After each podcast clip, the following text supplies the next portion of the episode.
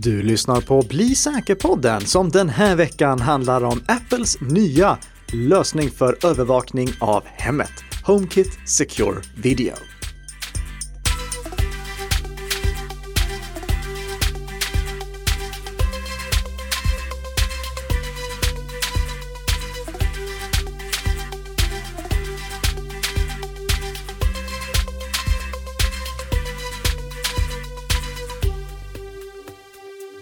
Ja, god morgon, god morgon och välkomna tillbaka till Bli säker-podden som produceras av Nika Systems i samarbete med Bredband2.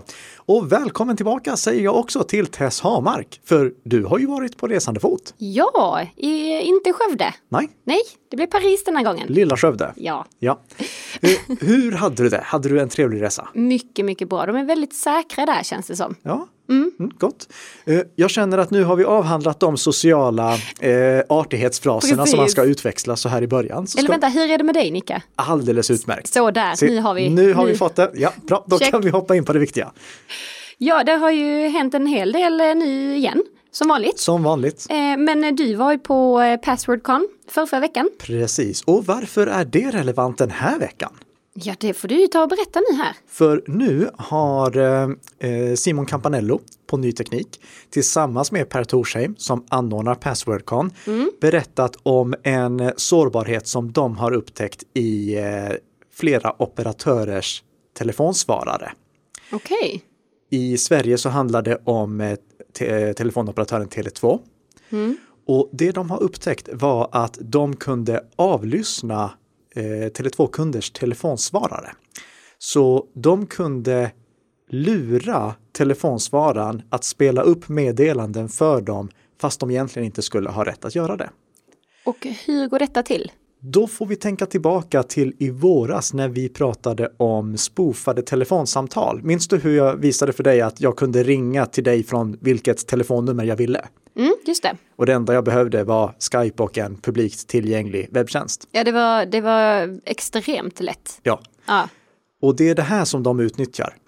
Eh, per då upptäckte att om han ringer till sig själv via en sån här spoofad tjänst, då kommer han fram till telefonsvararen. Men telefonsvararen tror att det är Per som ringer, för han ringer från sitt eget nummer fast spoofat. Okej. Och om man ringer till sitt, sin egen telefonsvarare från sitt eget nummer så börjar ju telefonsvararen presentera meddelandena som ligger sparade. Mm. Aj då. Där är problemet. Eh, Tele2 har nu åtgärdat det här. Så om man har Tele2 i Sverige, då är man nu tvungen att ange sin PIN-kod till röstbrevlådan för att kunna avlyssna telefonsvararen om man inte ringer eh, till kortnumret 222. Ringer man till telefonsvararen via kortnumret 222, då håller man sig helt och hållet inne i Tele2s nät och då kan Tele2 säkerställa att det är rätt person som ringer. Men om man ringer till det här vanliga plus 46-numret, då, då måste man numera ange sitt, eh, sin PIN-kod för att man ska få lyssna av telefonsvararen. Och det är jätteviktigt. För det är inte bara det att telefonsvararen kan innehålla känsliga meddelanden. Det finns också tvåstegsverifieringstjänster som eh, när man loggar in till exempel på Microsoft, då kan man välja att eh, man vill ha sin tvåstegsverifieringskod levererad via en automatisk röst som ringer upp en och läser upp den koden. Om en angripare lurar den här tjänsten till att ringa upp eh, röstbrevlådan och tala in telefonsvaret där, eller eh, tvåstegsverifieringskoden där. Då kan angriparen sen ringa och lyssna av telefonsvararen och få den tvåstegsverifieringskoden. Så det här kan få ganska stora konsekvenser. Så bra, Och det kan man inte nu i alla fall med Tele2.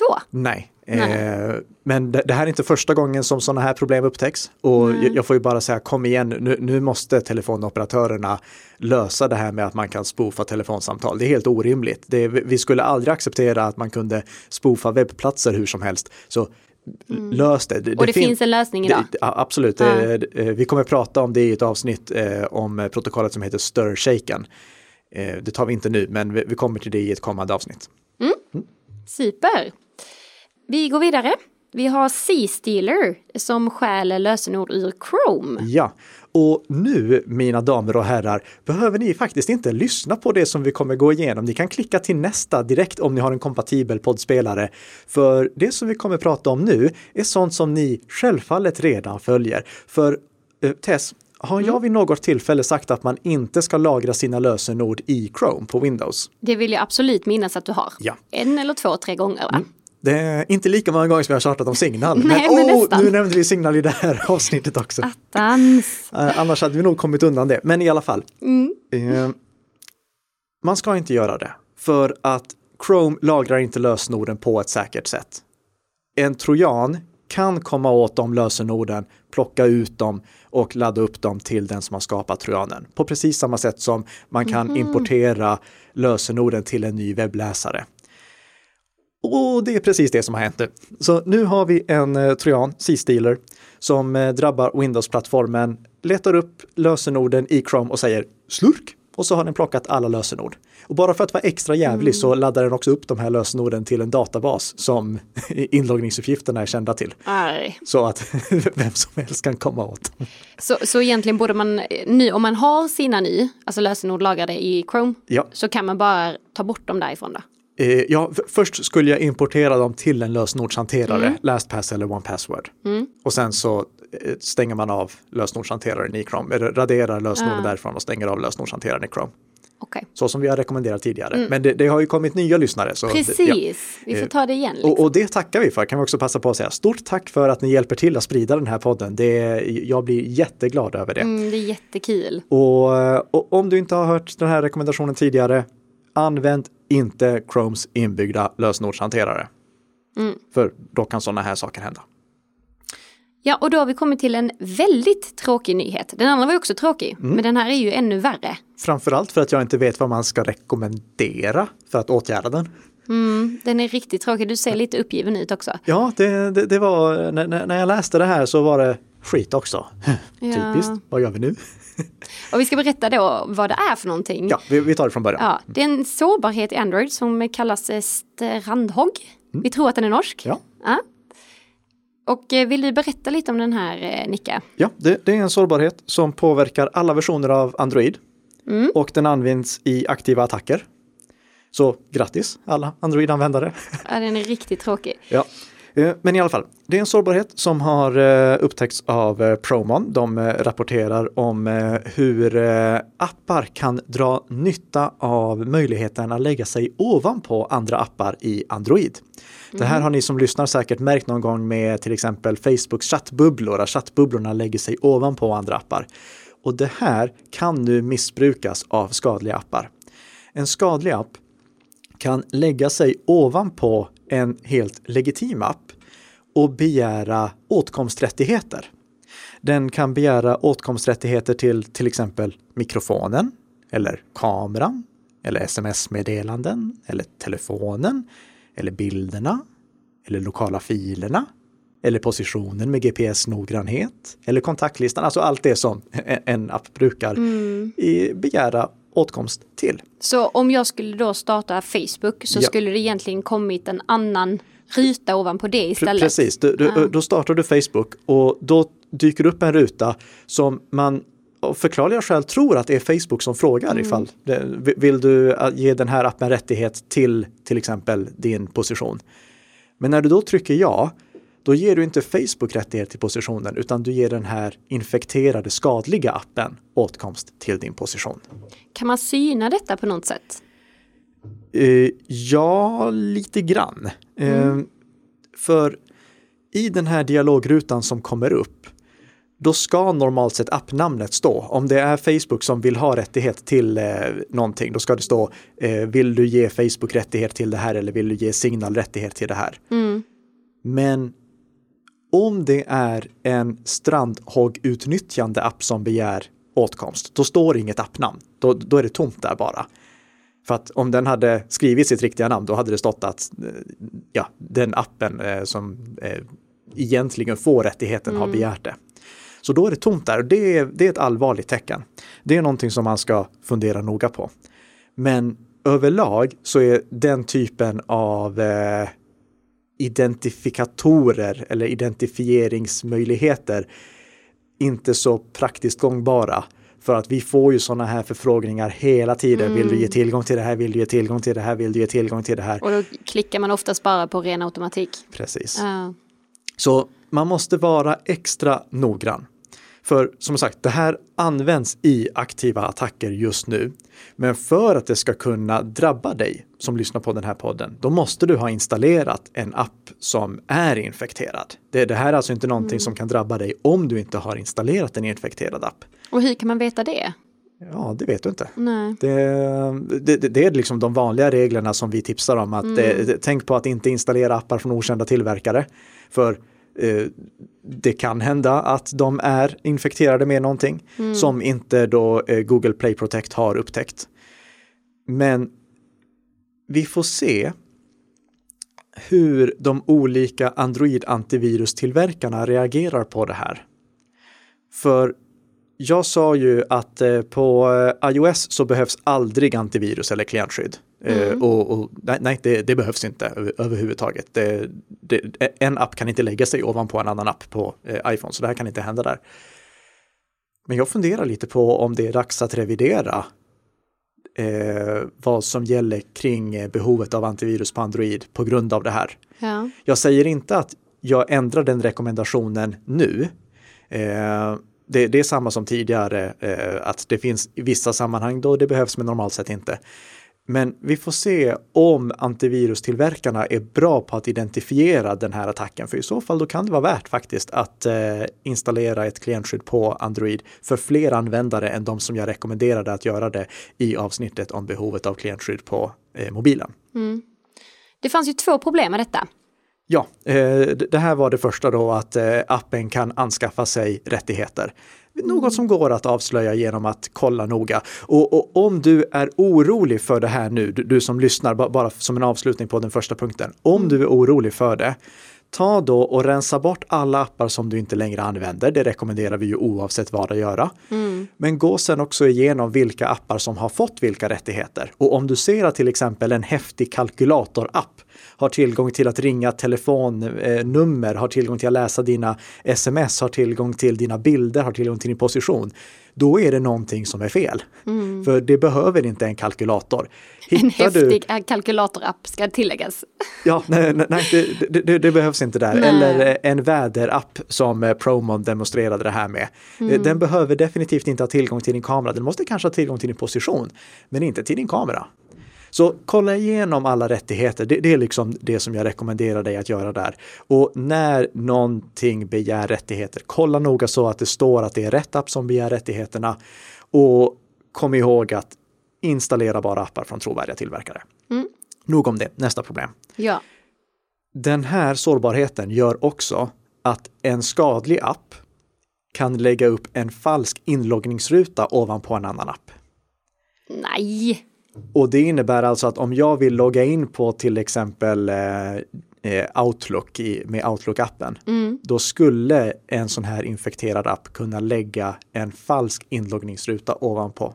Som då skulle se likadan ut? Som skulle se likadan ut och som skulle begära eh, tvåstegsverifieringskod också om jag har tvåstegsverifiering mm. aktiverat. Och då får den all information. Finns det något sätt man kan se detta på? Nej. Alltså, nej.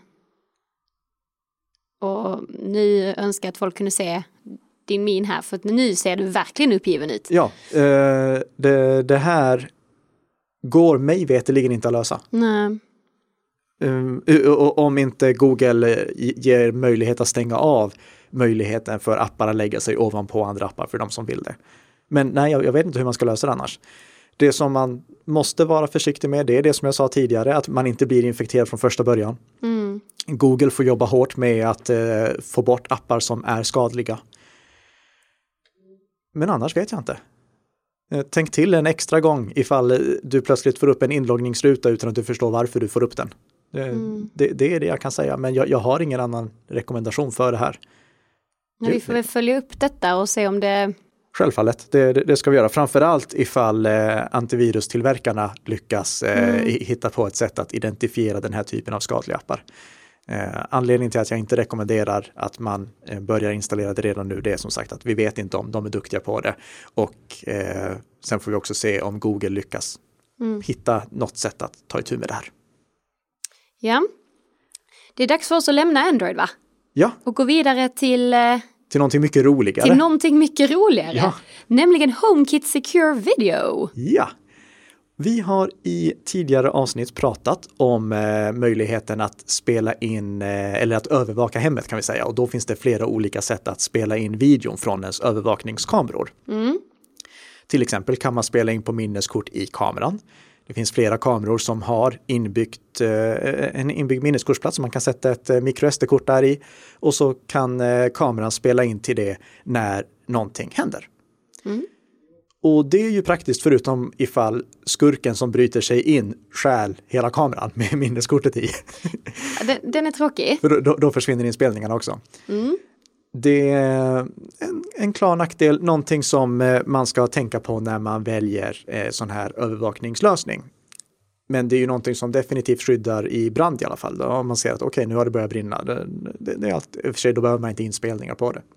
Eh, Nej. det, det, det, det var snedtänkt av mig där. Och jag tror att ni hör att det här med inspelning på microSD-kort är inte någonting jag rekommenderar. Om ni inte läste det mellan raderna så är det få gånger jag rekommenderar det. Eh, man kan göra så som jag gör, alltså att spela in till en NAS. Mm. Eh, Det är väldigt praktiskt, men det är lite komplicerat att komma igång med. För då räcker det inte med att du har kamerorna, du måste också ha en NAS att spela in på. Så det som de flesta vardagliga eh, allmänpersonerna väljer, det är därför en övervakningslösning där man spelar in i molnet. Ja. Till exempel Arlo, eh, där man kan eh, se sina kameror via en app och om det händer en rörelse då spelar de här kamerorna in i molnet. En smart lösning eller? En smart lösning, men Ja. Det är inte alla som känner sig helt bekväma med att lagra video från ens hem Nej. på servrar där någon annan kan komma åt det. För rent tekniskt, oavsett vad som står i avtalet, så kan ju de som driver Arlos servrar eller Rings servrar komma åt de här inspelningarna. Alltså, Ja, rent, rent tekniskt går rent det. tekniskt. Det, Ja. det, det finns säkert begränsningar på vilka som jobbar på de här företagen som kan komma åt inspelningarna, men det, den finns där i alla fall. Och Mm. Så det, vad har vi nu då? Ja, det är någonting som är riktigt smart från Apple.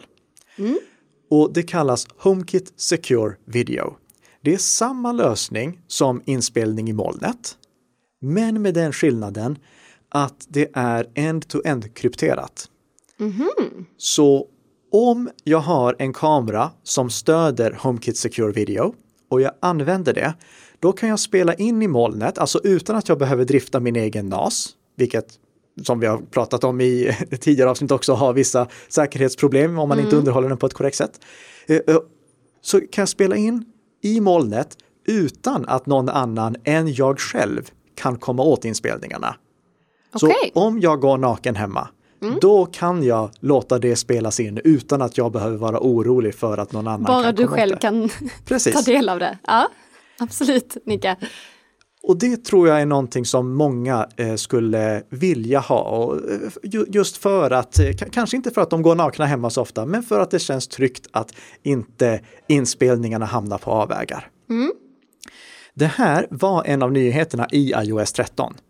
Men det är först nu som vi börjar få se kameror som har stöd för det.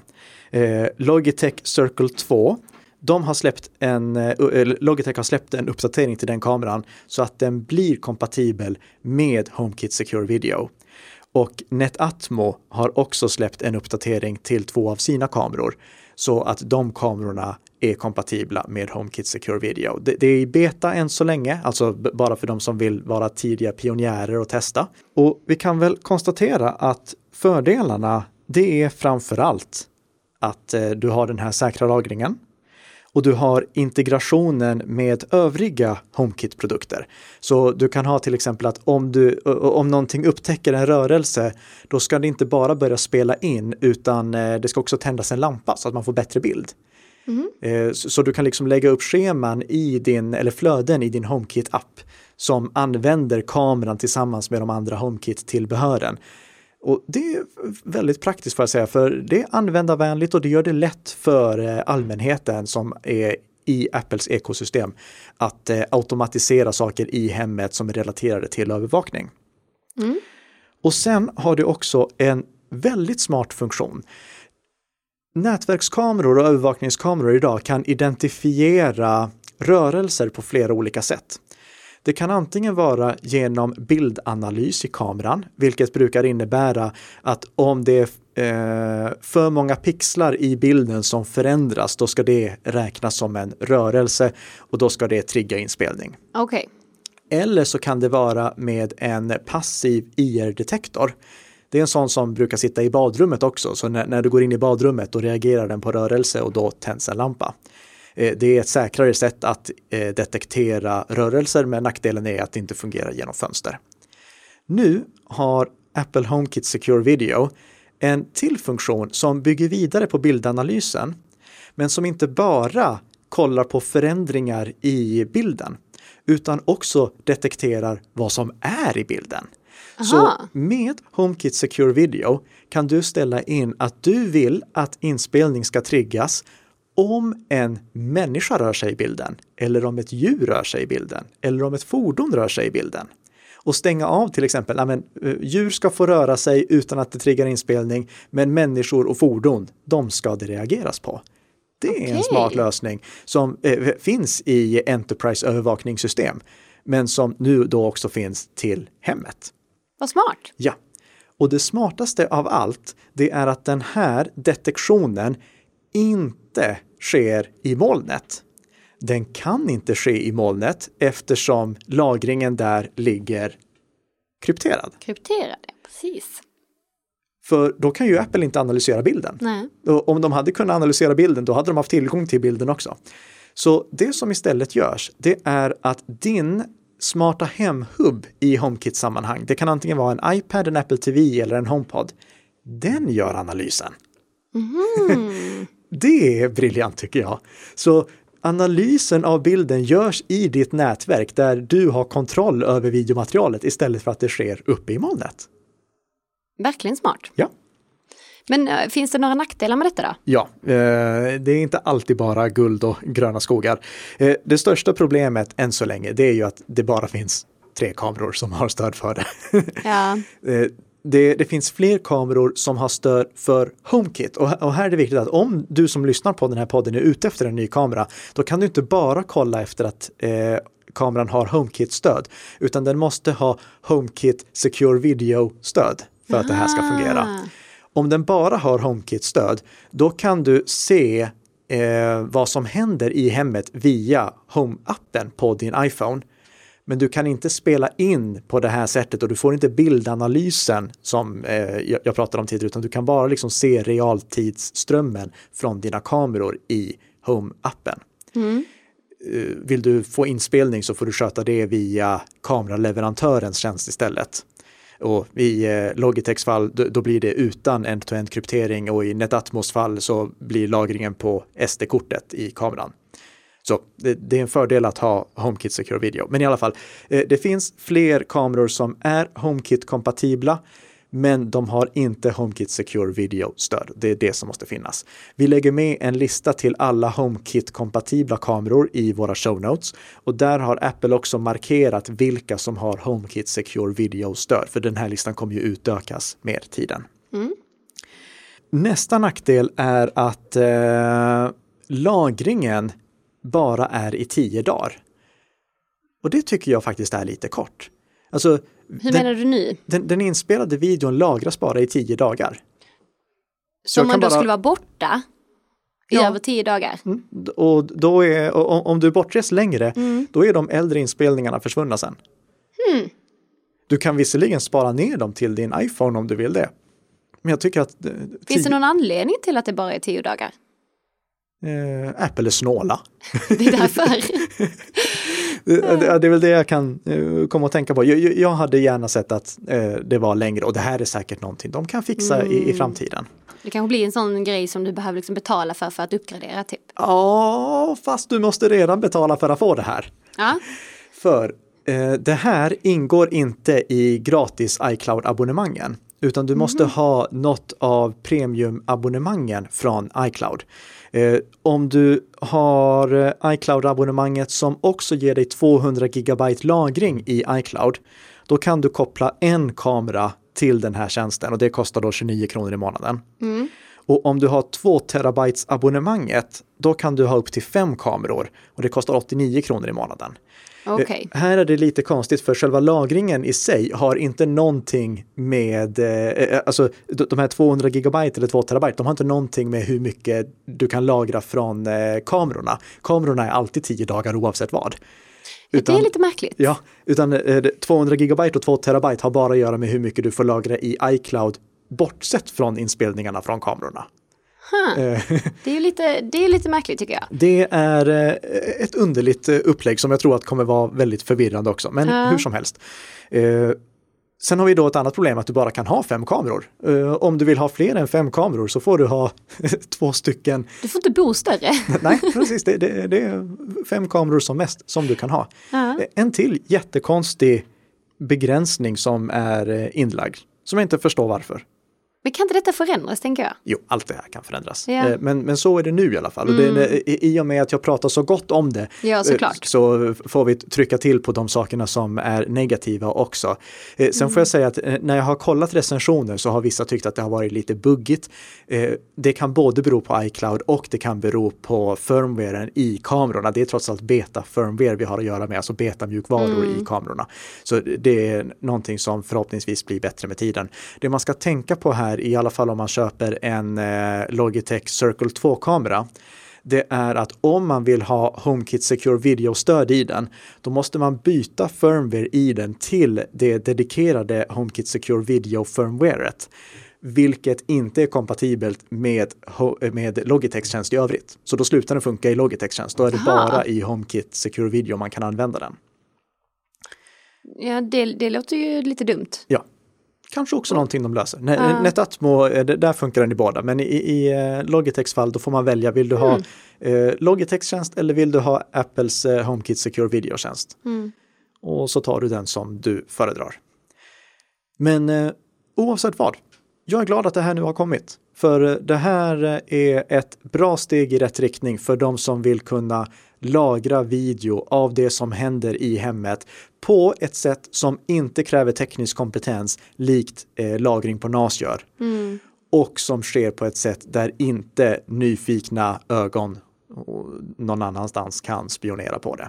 Sen får jag ju säga här att allt det här är en eh, eh, stängd lösning som Apple har utvecklat och det som jag säger nu det bygger på hypotesen att Apple gör det som Apple säger, att de faktiskt end-to-end krypterar och att de inte har någon egen nyckel för att kunna komma åt några inspelningar. För det kan man aldrig vara säker på. Nej, det kan man aldrig vara säker på. Nej. Men om du har valt att använda en iPhone, då har du ändå valt att acceptera de här riskerna. Mm. Så om du eh, kör med en iPhone, då kan du använda HomeKit Secure Video också. För att om du litar på Apple i iPhone-fallet så är det lika bra att lita på dem i Secure Video-fallet också. Mm.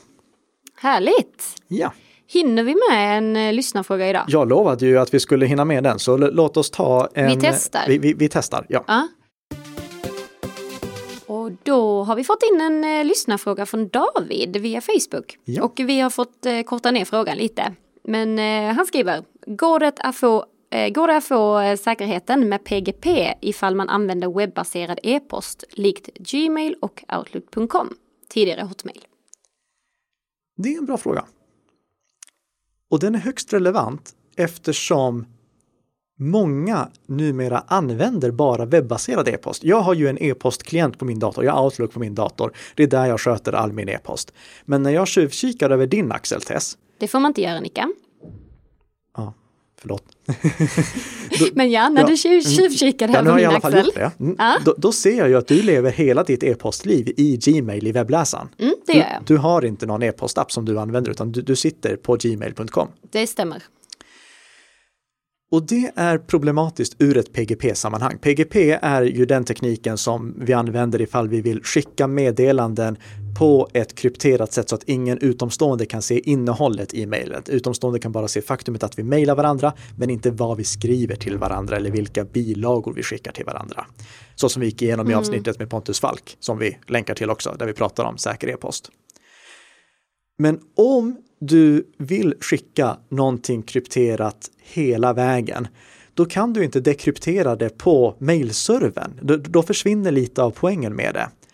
Så när det gäller PGP, då måste du, med en liten asterisk, ha en e-postklient. Och det kan du ha till Outlook och till Gmail. Eh, du kan till exempel, eh, eh om vi pratar Gmail så kan du använda Mozilla Thunderbird som eh, Pontus Falk tipsade om.